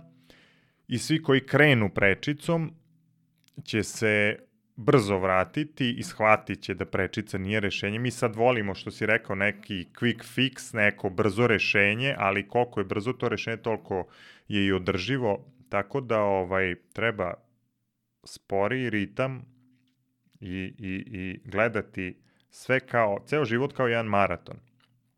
Ne može se, može se istrčati prvi kilometar sprint i to je to onda. Ti si se istrošio, izgoreo si, znam da si počeo da trčiš, ovaj, i ja sam učestvovao na par polumaratona i na planinskim trkama i ili trčiš onim tempom koji znaš da možeš da izguraš do kraja, ili lagano krećeš. Da, ja sam, od, meni Ivan uh, Radenković, on mi baš pričao o tome kao... Odličan je taj krećeš, podcast bio, da, je jako... Odličan, odličan lik. Konkretno sve, znaš, i kao kreneš polako i ošte, jer ja prvi put kad sam krenuo trčim, ja sam dao neki sebi ritam, Ne, da. ne mogu da stignem do daha. Mm. A pritom, naš, igrao sam drugu, dugo i folklor, to je jedna potpuno drugačije, drugačiji vid vežbe i sve. Mm -hmm. Ja sam očekivao da će to biti mnogo lakše, međutim ne, ali sad se ponovo vraćam, zbog cijela ove situacije sam morao da mirujem i sve, mm -hmm. ali sad se ponovo vraćam i bicikla i trčanje i taj osjećaj kad si ti sam, izolovan, no, kada, ti, kada ne gledam u telefon, kada me niko ništa ne pita. To je meditacija. Da. Oblik meditacije, repetitivne koja se ponavlja i onako stvarno je, mislim, pazi, ja ustajem u pet ujutru iz više razloga. Prvi je praktične prirode, imam dvoje dece, suprugu, posao, sve. Kad god sam ostio trening za popodne, imao sam manje energije i uvek se izjalovi nešto, uvek odvedi jedno dete ovamo, drugo onamo, uradi ovo, uradi ono, uvek se izjalovi uvek mi to i kad odradim trening bude, uopšte mi ne prije. I onda sam negde naleteo na članak, pošto jako, ne znam, 15 godina istražujem i sve ovo, ljudi kažu kao, znaš, smršao si za 9 meseci. Ne, ono, 15 godina je dovelo do tih 9 meseci. Istraživao sam sve moguće i nemoguće ishrane, probao na sebi, čitao stalno, slušao podcaste i negde naletim na priču nekoj ženi koja ima četiri deteta, koja se bavi triatlonom.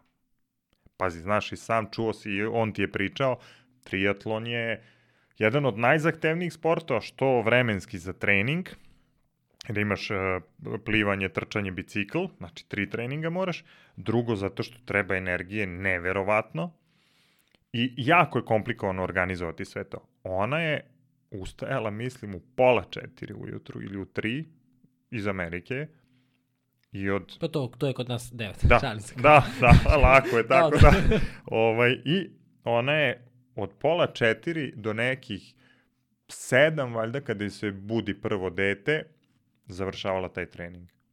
I ta rečenica će mi uvek ostati kao shvatila da je to jedini način. I ja sam, mislim, tu kad ti su upali lampica. Da, to moraš da doživiš. Znaš, sada će neko isto čuti ovu rečenicu, Da. pa ćemo u fazonu, pa, dobro. Ali ti Pa kada se prepoznaš, ti kada se prepoznaš u tome, kada Da. tebi nešto tu proradi, Jeste. da, da, potpuno... Pa sve se poklapa, znaš, zato što stvarno ja mnogo stvari radim po osjećaju. I mislim da je to najbolji način. Jer mi svi imamo duboko u sebi. To je kao ono, ljudi me pitaju koliko da jedem nečega, šta da jedem. Ma Nemam pojma. Jedi šta hoćeš, a koliko da jedeš, do toga ćeš doći vremenom. Da, ako se osjećaš dobro, to je dobro. Jeste, Ako se to je ono dobro, da. želuca, to je ono da ti budeš gladan pola sata pre narednog obroka, to je dobar znak i to pratiš. Telo zna da brine samo o sebi fenomenalno. Mi smo pa naj, e, najsavršenije mašine na svetu. Jedne od najsavršenijih, naš organizam. I on zna sebi kako da pomogne. I neće njemu ništa faliti. Ljudi se boje kao gladovaće, pa pašće im pritisak, pa ne znam šta.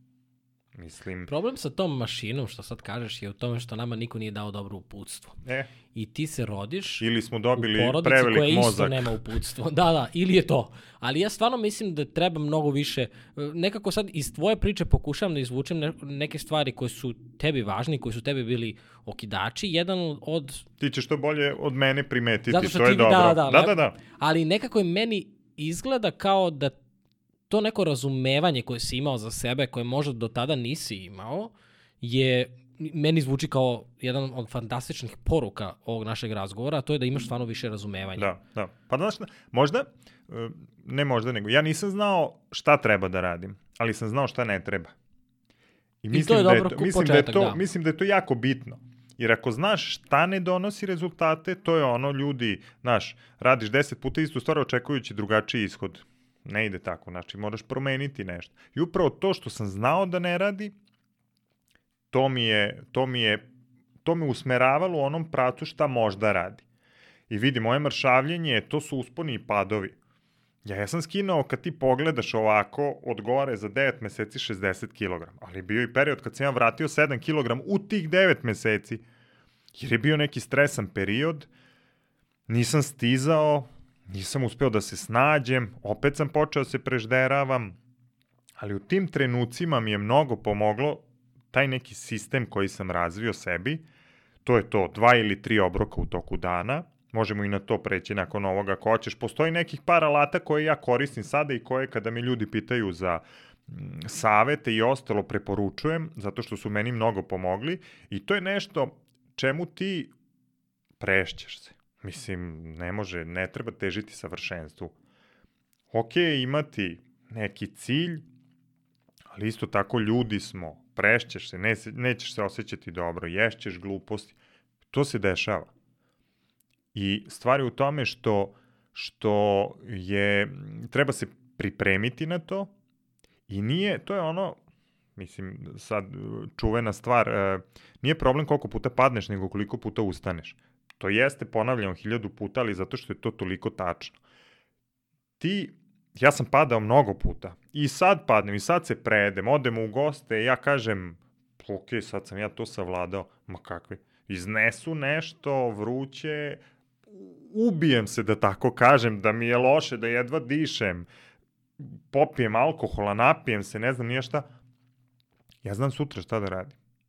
Ok, to je bilo tu, uživao sam, mnogo mi je bitnije što sam bio s tim ljudima i dobro se proveo.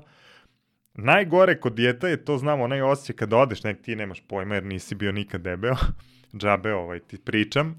Ne, pazi, ja imam jednu stvar, a to je da ja, sam, ja recimo prestao da pijem alkohol pre dve Mhm. godine i mm, ja nekako Sad će tu već biram, mnogi da... ne, pa nemam ja taj problem, ne, šalim. ali ja recimo nikada nisam do sada, bar do sada, Mhm. nisam osjetio krivicu jer ja kad kažem ne, Ma, to je naravno. to.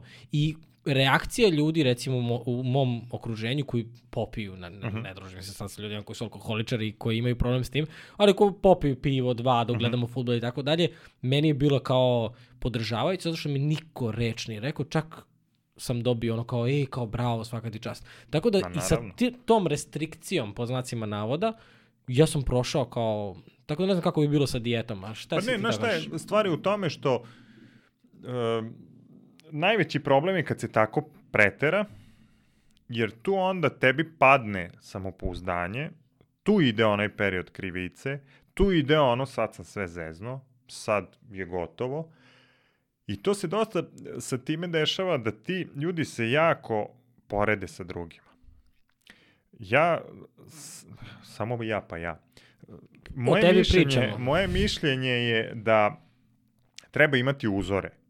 Ne treba imati idole u smislu da sve uh, preuzimaš i radiš i isto misliš kao ta neka osoba, to je kada imaš idola da ništa ne preispituješ, ali mislim da treba imati uzore. Meni je to mnogo pomoglo, ja imam de, desetak ljudi na koje se ugledam ili na koje sam se ugledao dok sam mršavio, to su neki ljudi koji su bili sportski, pričali smo o rich rollu i mislim, to su neki ljudi koji su uspeli nešto da urade i meni je to bilo kao čoveče, vidi šta je on uradio. On je, na primer, vegan, ja nisam, pa kakve to veze ima? Bitno je ta energija i ti ciljevi neki koji on je ono gde je napisao kao do 40. godine nije istrčao ni jednu trku, nije napisao ni jednu knjigu, nije snimio podcasta gde je sad 10 godina kasnije. Mislim, to je to, to je taj proces i mislim da postoje neki alati koji u mnogome mogu da pomognu kod toga i da treba biti zaista blag prema sebi, jer mislim... Koji su to alati? Pa evo nekoliko, veoma jednostavnih ali za koje treba vreme i treba jedan po jedan menjati tu jednu po jednu naviku. Znači, prvi alat jeste ta tri obroka u toku dana. To ne mora biti tri obroka. Nekad će biti dva, nekad četiri. Mislim da to kao mora, ne znam, tri obroka, dve užine i ovo, ono, ok, to funkcioniše za nekog.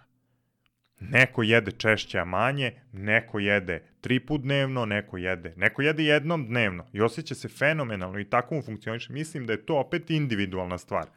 U mom slučaju je to bilo dva ili tri obroka u toku dana i gledao sam da oni budu obično u, u približno isto vreme, ali opet to je po mom dnevnom rasporedu. U zavisnosti od mojih obaveza, posla i toga, napravio sam sebi raspored da prvi obrok bude oko 9 ujutru, da drugi obrok bude oko 13, 13 i 30 i da poslednji bude oko 18 časova. E, stvar je u tome što ja to nije ono e, slepo da se pridržavam toga i ako ja ne jedem u 9 gotovo. Ne, to je pola 9, pola 10, 10, sve zavisi. Ali je to ta neka struktura e, gde sam, to mi najviše pomoglo, pravo ti kažem taj period kad jedem i mnogo više mi je pomogao onaj period kad nisam jeo. To je, sad je to dosta poznato, autofagija, intermittent fasting, kako god ga ljudi zovu. Meni je to dosta pomoglo.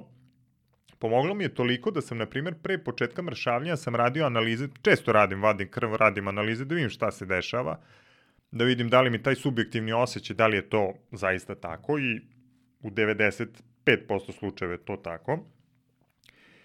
Ja sam uspeo, znači pre početka mršavljanja sam otišao na ispitivanje i imao sam 39% masnoće u organizmu. Znači, od ukupne kilaže, od 142 kg, 39% je bila masnoća. Masna jetra, holesterol, sve ostalo. I rekao sam ti, pritisak 150 sa 100, puls 100. Znači, u stanju mirovanja sam ja kao ono da brzi hod. A pošto i srce mišić i troši se, ono sve ima radni vek i dosta je to opasno. I onda sam uh, uspeo, znači od 39% masnoće u organizmu za 9 meseci da dođem do 10% masnoće. Znači uspeo sam da skinem 29% masnoće, a ti ne možeš ciljati ni jednom dijetom, ni jednim treningom, ne možeš ciljati sad ti samo masnoću, pa ćeš ti kao samo nju skinuti jer to ne ide tako. Ja sam izgubio i e, mišiće i ostalo, ali je najveći deo kilaže koju sam izgubio masnoća. I upravo je tome pomoglo taj moj e, raspored ishrane, u stvari onaj period kad ne jedem.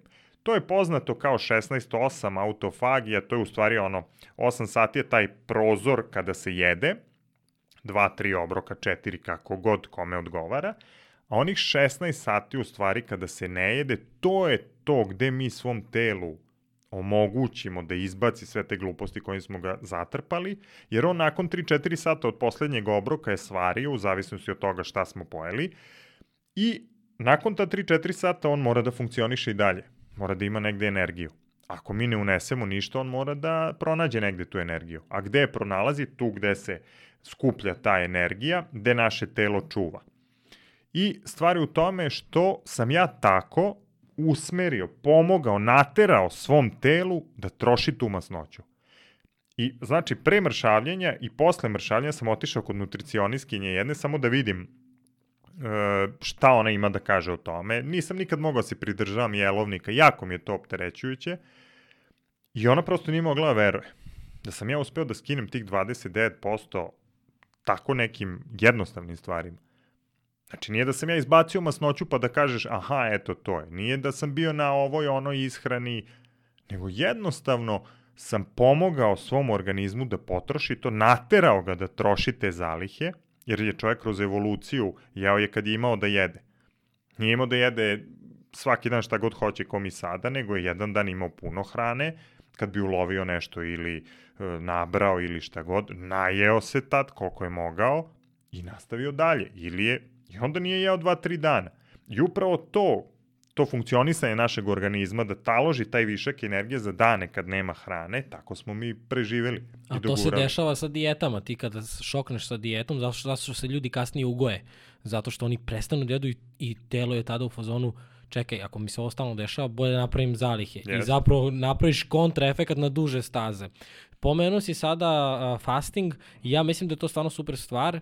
Uh, sad ću ti reći iz mog iskustva, iako i nemam problem sa, sa kilogramima, ja izbegam da jedem posle 7 ili 8 časova, sve nekada se desi kao i uvek, ali ovaj, kao u svemu, to sam teo kažem, ali izbegavam da jedem zato što se ja mnogo bolje osjećam. I prosto svom organizmu dajem priliku da, da, se, da se bolje osjećam, što je, što je jako važno. Tako da nema veze toliko sa i ljudi koji ne žele da smršaju mogu da primene to jer će se bolje osjećati, ali takođe za mršavljenje je to fantastična pa jeste, stvar. vidi, neće tebi autofagija pomoći ako ti pojedeš 5000 kalorija u tom periodu kad se jede džabe, možeš ti šta god hoćeš, mislim, nego stvar u količinama. A mislim da autofagija mnogo pomaže da se pročiste neke stvari, da organizam izbaci one gluposti i neke štetne stvari i neke stvari koje nam više nisu potrebne. Jer pazi, ja na primer, poslednji obrok mi bude oko 18 časova, ja do ujutru, znači idem na spavanje oko pola 11, 11, sve zavisi, ustanem u 5 ujutru skoro svaki dan i treniram sat, sat i po do 2, zavisi kako koji dan, na potpuno prazan stomak. Znači, probudim se, popijem čašu vode i odem na trening.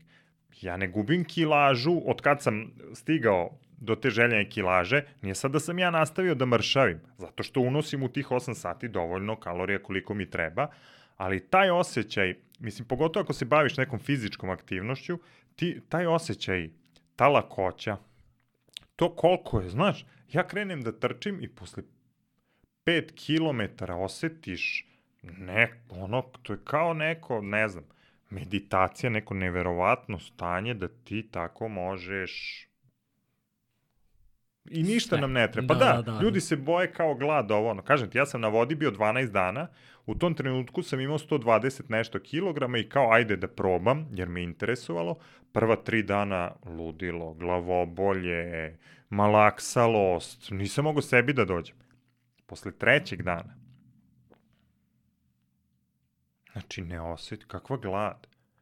Organizam uskladi energiju, sve radiš isto ko što si radio. E sad sve zavisi ko je koliko gojazan, koliko ti imaš naslagu u sebi, koliko imaš rezervi, toliko možeš da izdržiš, ali je stvar u tome što, kažem, mi toliko stvari ne znamo. Ne znamo o sebi mnogo jeste. i ovaj o, ušuškani način života i ovo malo pre si rekao, to, toliko nam je sve kao tri obroka dnevno, nam je dobar dan, većini ljudi sada pričamo, ali, znaš, ti sada kad pogledaš sve te stvari, koliko smo mi iz ovog komfora zapravo izgubili dodir sa sobom i koliko, na, koliko ljudi nema pojma šta sve može da uradi i za šta su sposobni.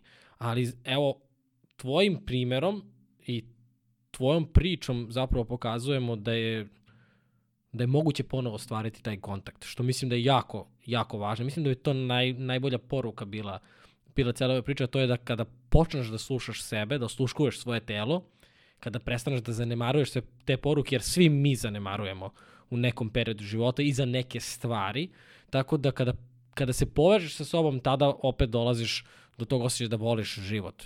Da Ma, uživaš u trenucima, da pronalaziš sreću u malim stvarima, znaš. Pazi, rekao si ono moji snimci ujutru kad izlazi sunce. Ja tebi ne mogu da opišem.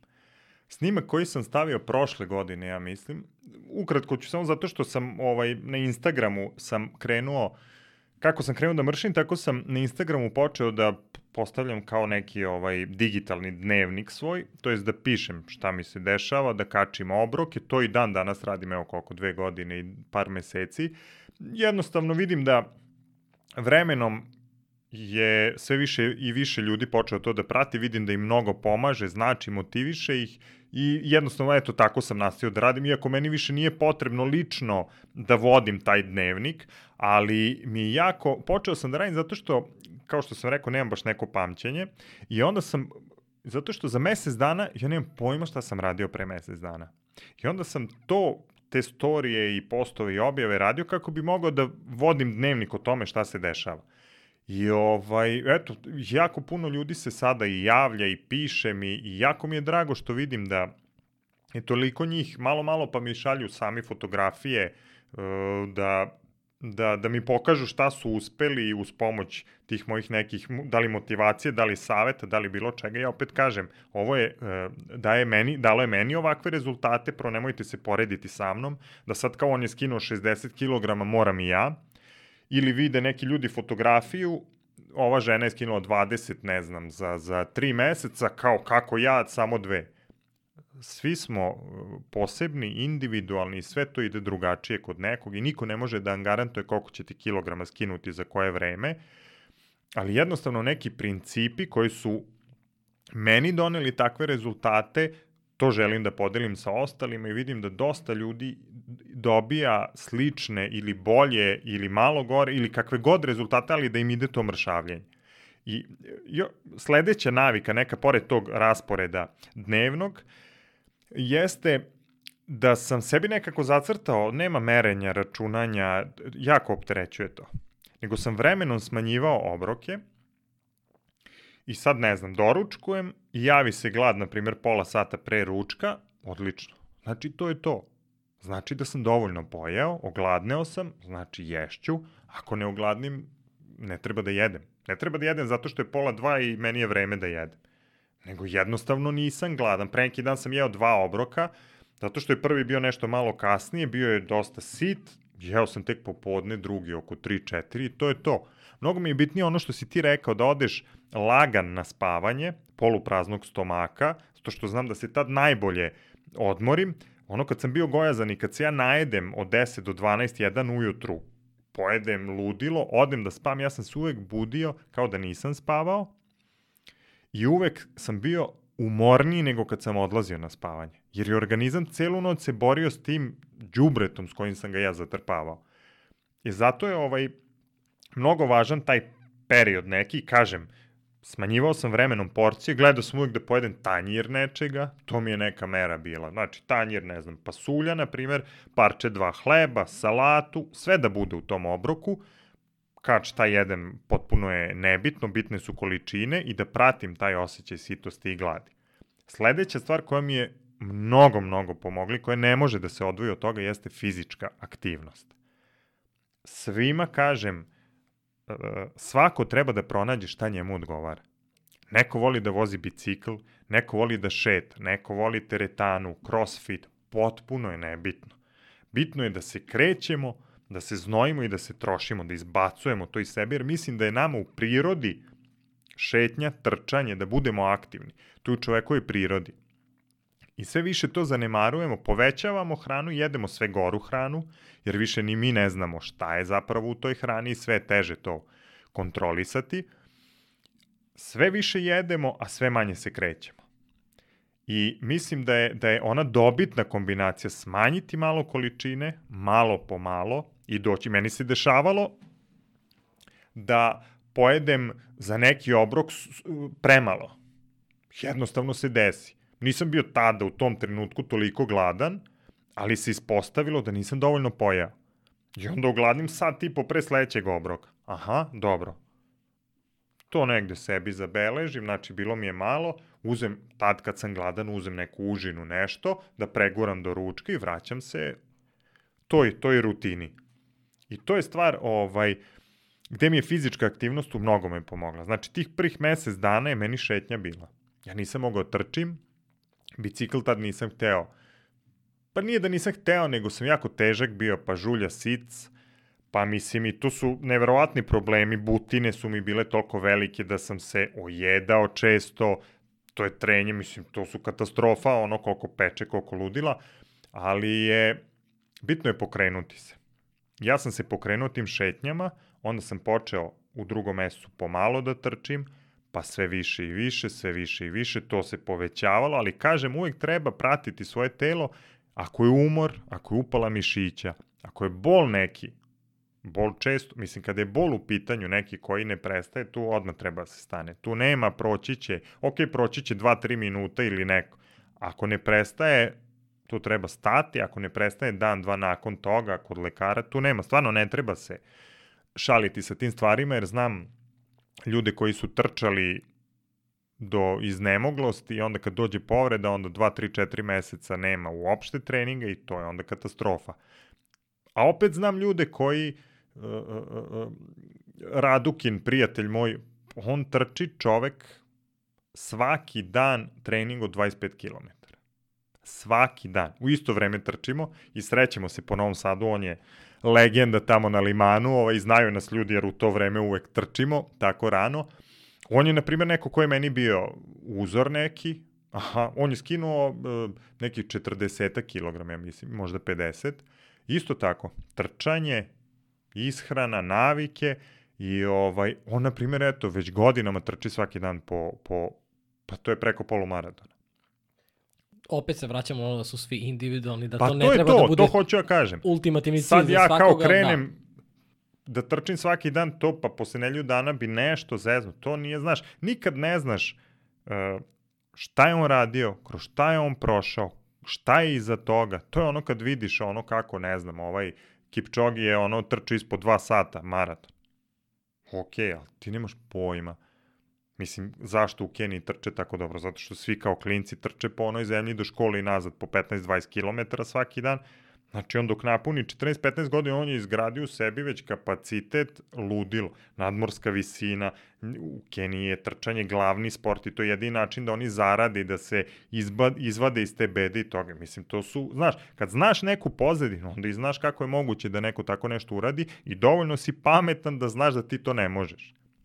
Zato mi je drago da smo pričali o svim ovim stvarima. Mene je interesovalo tvoja pozadina. Mene je interesovalo ko je čovek koji smrša 60 kg. U, u smislu, najmanje mi je interesovalo ti kilogrami. Najviše mi je interesovalo tvoje razmišljanje sve to vreme. Tvoji strahovi, tvoje muke, tvoje... O, da, da, mislim, otvoreno si ispričao mnogo toga, neke intimne stvari i prosto mi je... Um, znaš, kao što sam rekao na samom početku, ja volim uspešne priče, ali mnogo više volim kada neko, mislim, volim, da to sad ne zvuči pogrešno. Mnogo mi je drago kada upoznam nekoga za koga, evo sad kao što si ti, znam da si stvarno malte ne dotakao dno što se tiče da. tih nekih stvari. Ne malte ne, nego jesam dotakao. Nisam teo da uvredim. Ne, Ružno je da je tako kažem. Uh -huh. Treba biti, izvin se što te prekidam, treba biti, kao što sam ti rekao, treba biti surovo iskren i neki ljudi i treba da čuju neke stvari, koliko god to ih povredilo, uvredilo ili šta, ja nemam problema, kažem ti, dosta sam samo svestan i svaki put kad mi je supruga rekla i mislim, jako su to emotivne stvari i, i znaš, mogu samo da zamislim kroz šta je ona prolazila, da gleda čoveka koga voli, s kojim će provesti ostatak života, nadam se, ovaj, da, da radi to sebi i ne sebi, nego to, to i na nju uticalo, i na decu, i na, znaš, celo okruženje, jako su to teške stvari i mislim da treba mnogo više o tome da se priča. Drago mi je kad mogu da podelim sa nekim svoje iskustvo. Naravno, ne mislim, opet kažem, prvo nisam izmislio toplu vodu, drugo ne mislim da je ovo nešto najbolje, ne znam nija šta. Jednostavno treba da pričamo dijalog, treba na televiziji u udarnim terminima da se bavi tim stvarima, jer uh, to je, to je sve veći problem i sve ono, to se vidi, Amerika, Engleska, Nemačka, to su razvijene zemlje i sve ono što e, se tamo desi, to će kod nas se desiti za 5 do 10 godina, to tako ide. Pa čak i ovo, da. Pa da, i, i bolje reagovati nego na vreme i baviti se time. Ja znam da to nije profitabilno verovatno, da to nije da budemo što zdravija nacija, da nije u cilju nekim ljudima, ali mislim da mi kao ljudi međusobno treba da delimo iskustva, treba da pričamo, da treba se priča o tim teškim trenucima i da, da kažem, kad neko bude jedna osoba samo da pogleda ovaj podcast i da se nađe u nekoj od ovih stvari i da kaže, aha, ja nisam sama ili sam, postoje takvi ljudi, ima izlaza, konstantnost, upornost, zacrtati ostvarive ciljeve, male, kratke ciljeve, da li je to trčanje od bandere do bandere, od klupe do klupe, da li je to, neću pojesti e, pet kugli sladoleda, nego četiri danas, sledeće nelje tri, sve to proces. I stvarno treba dosta vremena. Ja sad kad pričam o tome, ne znam, meni to kao da je pre 20 godina bilo. I kaže, meni se i sad desi da ne mogu da iskontrolišem koliko ću pojesti, ali jednostavno, kažem ti, to je taj neki sistem koji je meni pomogao, jer znam šta ću od sutra ujutru da uradim. I, i, I trčanje mi je mnogo pomoglo u tome, sad sam potpuni, da kažem, zaluđenik za trčanjem, i ustajem, kažem ti, svako jutro u pet, obučem se, istrčim napolje. Da li je minus 10 napolju ili je plus 30, potpuno mi je, to je, to je ovde. To je ono, ti si u nekom podcastu si rekao kiša pada, trčao si ovde, pa si komšija te pitao ti rekao kako se odlično osjećaš. I kao shvatio pada kiša, odlično se osjećaš. E pa to je ovde. Ja kad izađem, pazi, dobro, ja sam malo specifičan. Što je gore vreme, to je meni veći motiv da, da izađem i da pokažem sebi da mogu. Duva vetrina, lije kiša, sneg, nebitno je potpuno. Makar izašao, pa ne odradim trening, ali, znaš kako kažu, najgore je onaj trening koji se ne uradi. Da, da, da, da, da, to sam već čuo. Da. Pa ima puno tih stvari, a stvarno ovaj su e, korisni i tačne, zato se toliko i ponavljaju i zaista jeste tako. Zamisli sada da ti si sve ovo ispričao i ja sam siguran da će barem jednoj osobi, a siguran sam mnogo više, nešto iz ovoga što si ti pričao biti lampica koja će mu biti pokretač. Iskreno se nadam. Kako je to dobro? Kako je to dobro? Hoću da zaokružimo priču sa tim uh, gde ljudi mogu da te pronađu, linkovi su ispod, Instagram, YouTube, tvoj sajt, imaš i kurs Pričali smo o tome ti i ja pre nego što smo krenuli da snimamo, da si napravio kurs, da si prosto snimio lekcije, jer si dobijao gomile i gomile pitanja svakog dana. Tako da, ajde malo mi ispričaj o tom kursu, a linkovi su svi ispod. Da, pa kao što sam ti rekao, znači krenuo sam sa Instagramom kao sa, sa nekim ličnim dnevnikom i tu jako veliki broj ljudi je vremenom sve više i više ih interesovalo i prate to javljaju mi se stvarno hvala. Želim ovom prilikom svima da im se e, zahvalim jer svaki put kada vidim da sam na nekog pozitivno uticao, dobijem taj feedback i stvarno je to nekako toliko divan osjećaj kad znaš da si nekom pomogao. E, imam takođe YouTube kanal, isto se zove Stomak i ja ili Stomakija, što još uvek ono neki kao, kakva stomaklija, što kao deo ovde neki alkohol nešto, rekao, mani, stomak i ja, ovaj, na YouTube kanalu, ovaj, e, tamo ima, pa po mom mišljenju, dosta korisnih videa i i koji mogu dosta da pomognu ljudima. Isto tako, uh, moj website stomakija.com, uh, na kom ima jedan deo sa blogom gde pišem neke teme i tekstove koje me interesuju i ima jedan odeljak za uh, video kurs koji sam odlučio da snim pre neki godinu, godinu i po dana. E, zato što jednostavno postoje ljudi kojima to više odgovara. Takav način, dosta ljudi je do sada već e, se odlučilo za video kurs i on je sačinjen iz 10 video lekcija gde sam onako hronološki ispričao sve kako sam ja uradio, kako po mom mišljenju to treba da se uradi, koji su to alati koji će pomoći ljudima i mislim da može veoma koristan da bude. Isto tako radim i uh, uh, uh, video konsultacije jedan na jedan sa ljudima, nekome to više odgovara preko Vibera ili Whatsappa ili čega god, ljudi mi se jave, obavimo razgovor ja im, oni mi ispričaju svoju priču, ja im dam neke savete, svoje mišljenje kako bi oni to trebali da urade. Ja opet kažem, ja samo dajem predloge. Nisam lekar, nisam nutricionista, mislim da imam neko iskustvo koje je pokazalo se da stvari koje radim i koje sam radio donose rezultate i pokazuje se da pomaže drugim ljudima na duže staze, jer ljudi su, javljali su, javljali su mi se skinu po 50-60 isto kilograma, što je potpuno nevjerojatno da se s 50 godina osjećaju kao s 30 i ono stvarno neverovatna stvar i da mi je neko to ispričao na samom početku ne bih mogao da verujem. A pogotovo ovo da ću istrčati 250 km, to mi je stvarno utisak od danas onako neverovatan i baš su ljudi neverovatno reagovali na tu informaciju. Pa stvarno je fascinantno. Ono što ja mogu da ti kažem na osnovu našeg poznanstva do sada, to je da se stvarno u tebi vidi ta iskrena želja da pomogneš ljudima koji su u situaciji u kojoj si ti bio. Nesebično davanje svih tih informacija, tvoj YouTube kanal, rekao si tako, kao, ne, mislim da ima korisnih. Tvoja videa su konkretna izuzetno jasna i korisna i mislim sama tvoja energija koju sam osetio i kada smo se čuli i kada sam gledao tvoje YouTube snimke i sada je, je potpuno identična i mislim da ljudi koji rade sa tobom na bilo koji način, da li kurs ili tako nešto, će dobiti jedan veliki poklon osim znanja i svih tih a, tvojih saveta, to je osjećaj da nisu sami. Što je iz tvoje priče, mislim, nekog mog ličnog doživljaja svega ovoga što smo, o čemu smo sada razgovarali jako, jako važno i mislim da je to ona prekretnica, ono što pravi razliku. Znaš, mnogo ti hvala što si došao ovde kod mnogo. nas na priči, na, na fantastičnoj energiji, na razgovoru pre, na razgovoru sada i unapred ti se zahvaljujem na razgovoru koji ćemo sada obaviti nakon i uvek će mi biti drago da dođeš, uvek će mi biti drago da snimimo i da pričamo, šta god ti se bude dešavalo, onda su ti uvek otvorena vrata. Vidi, hvala tebi mnogo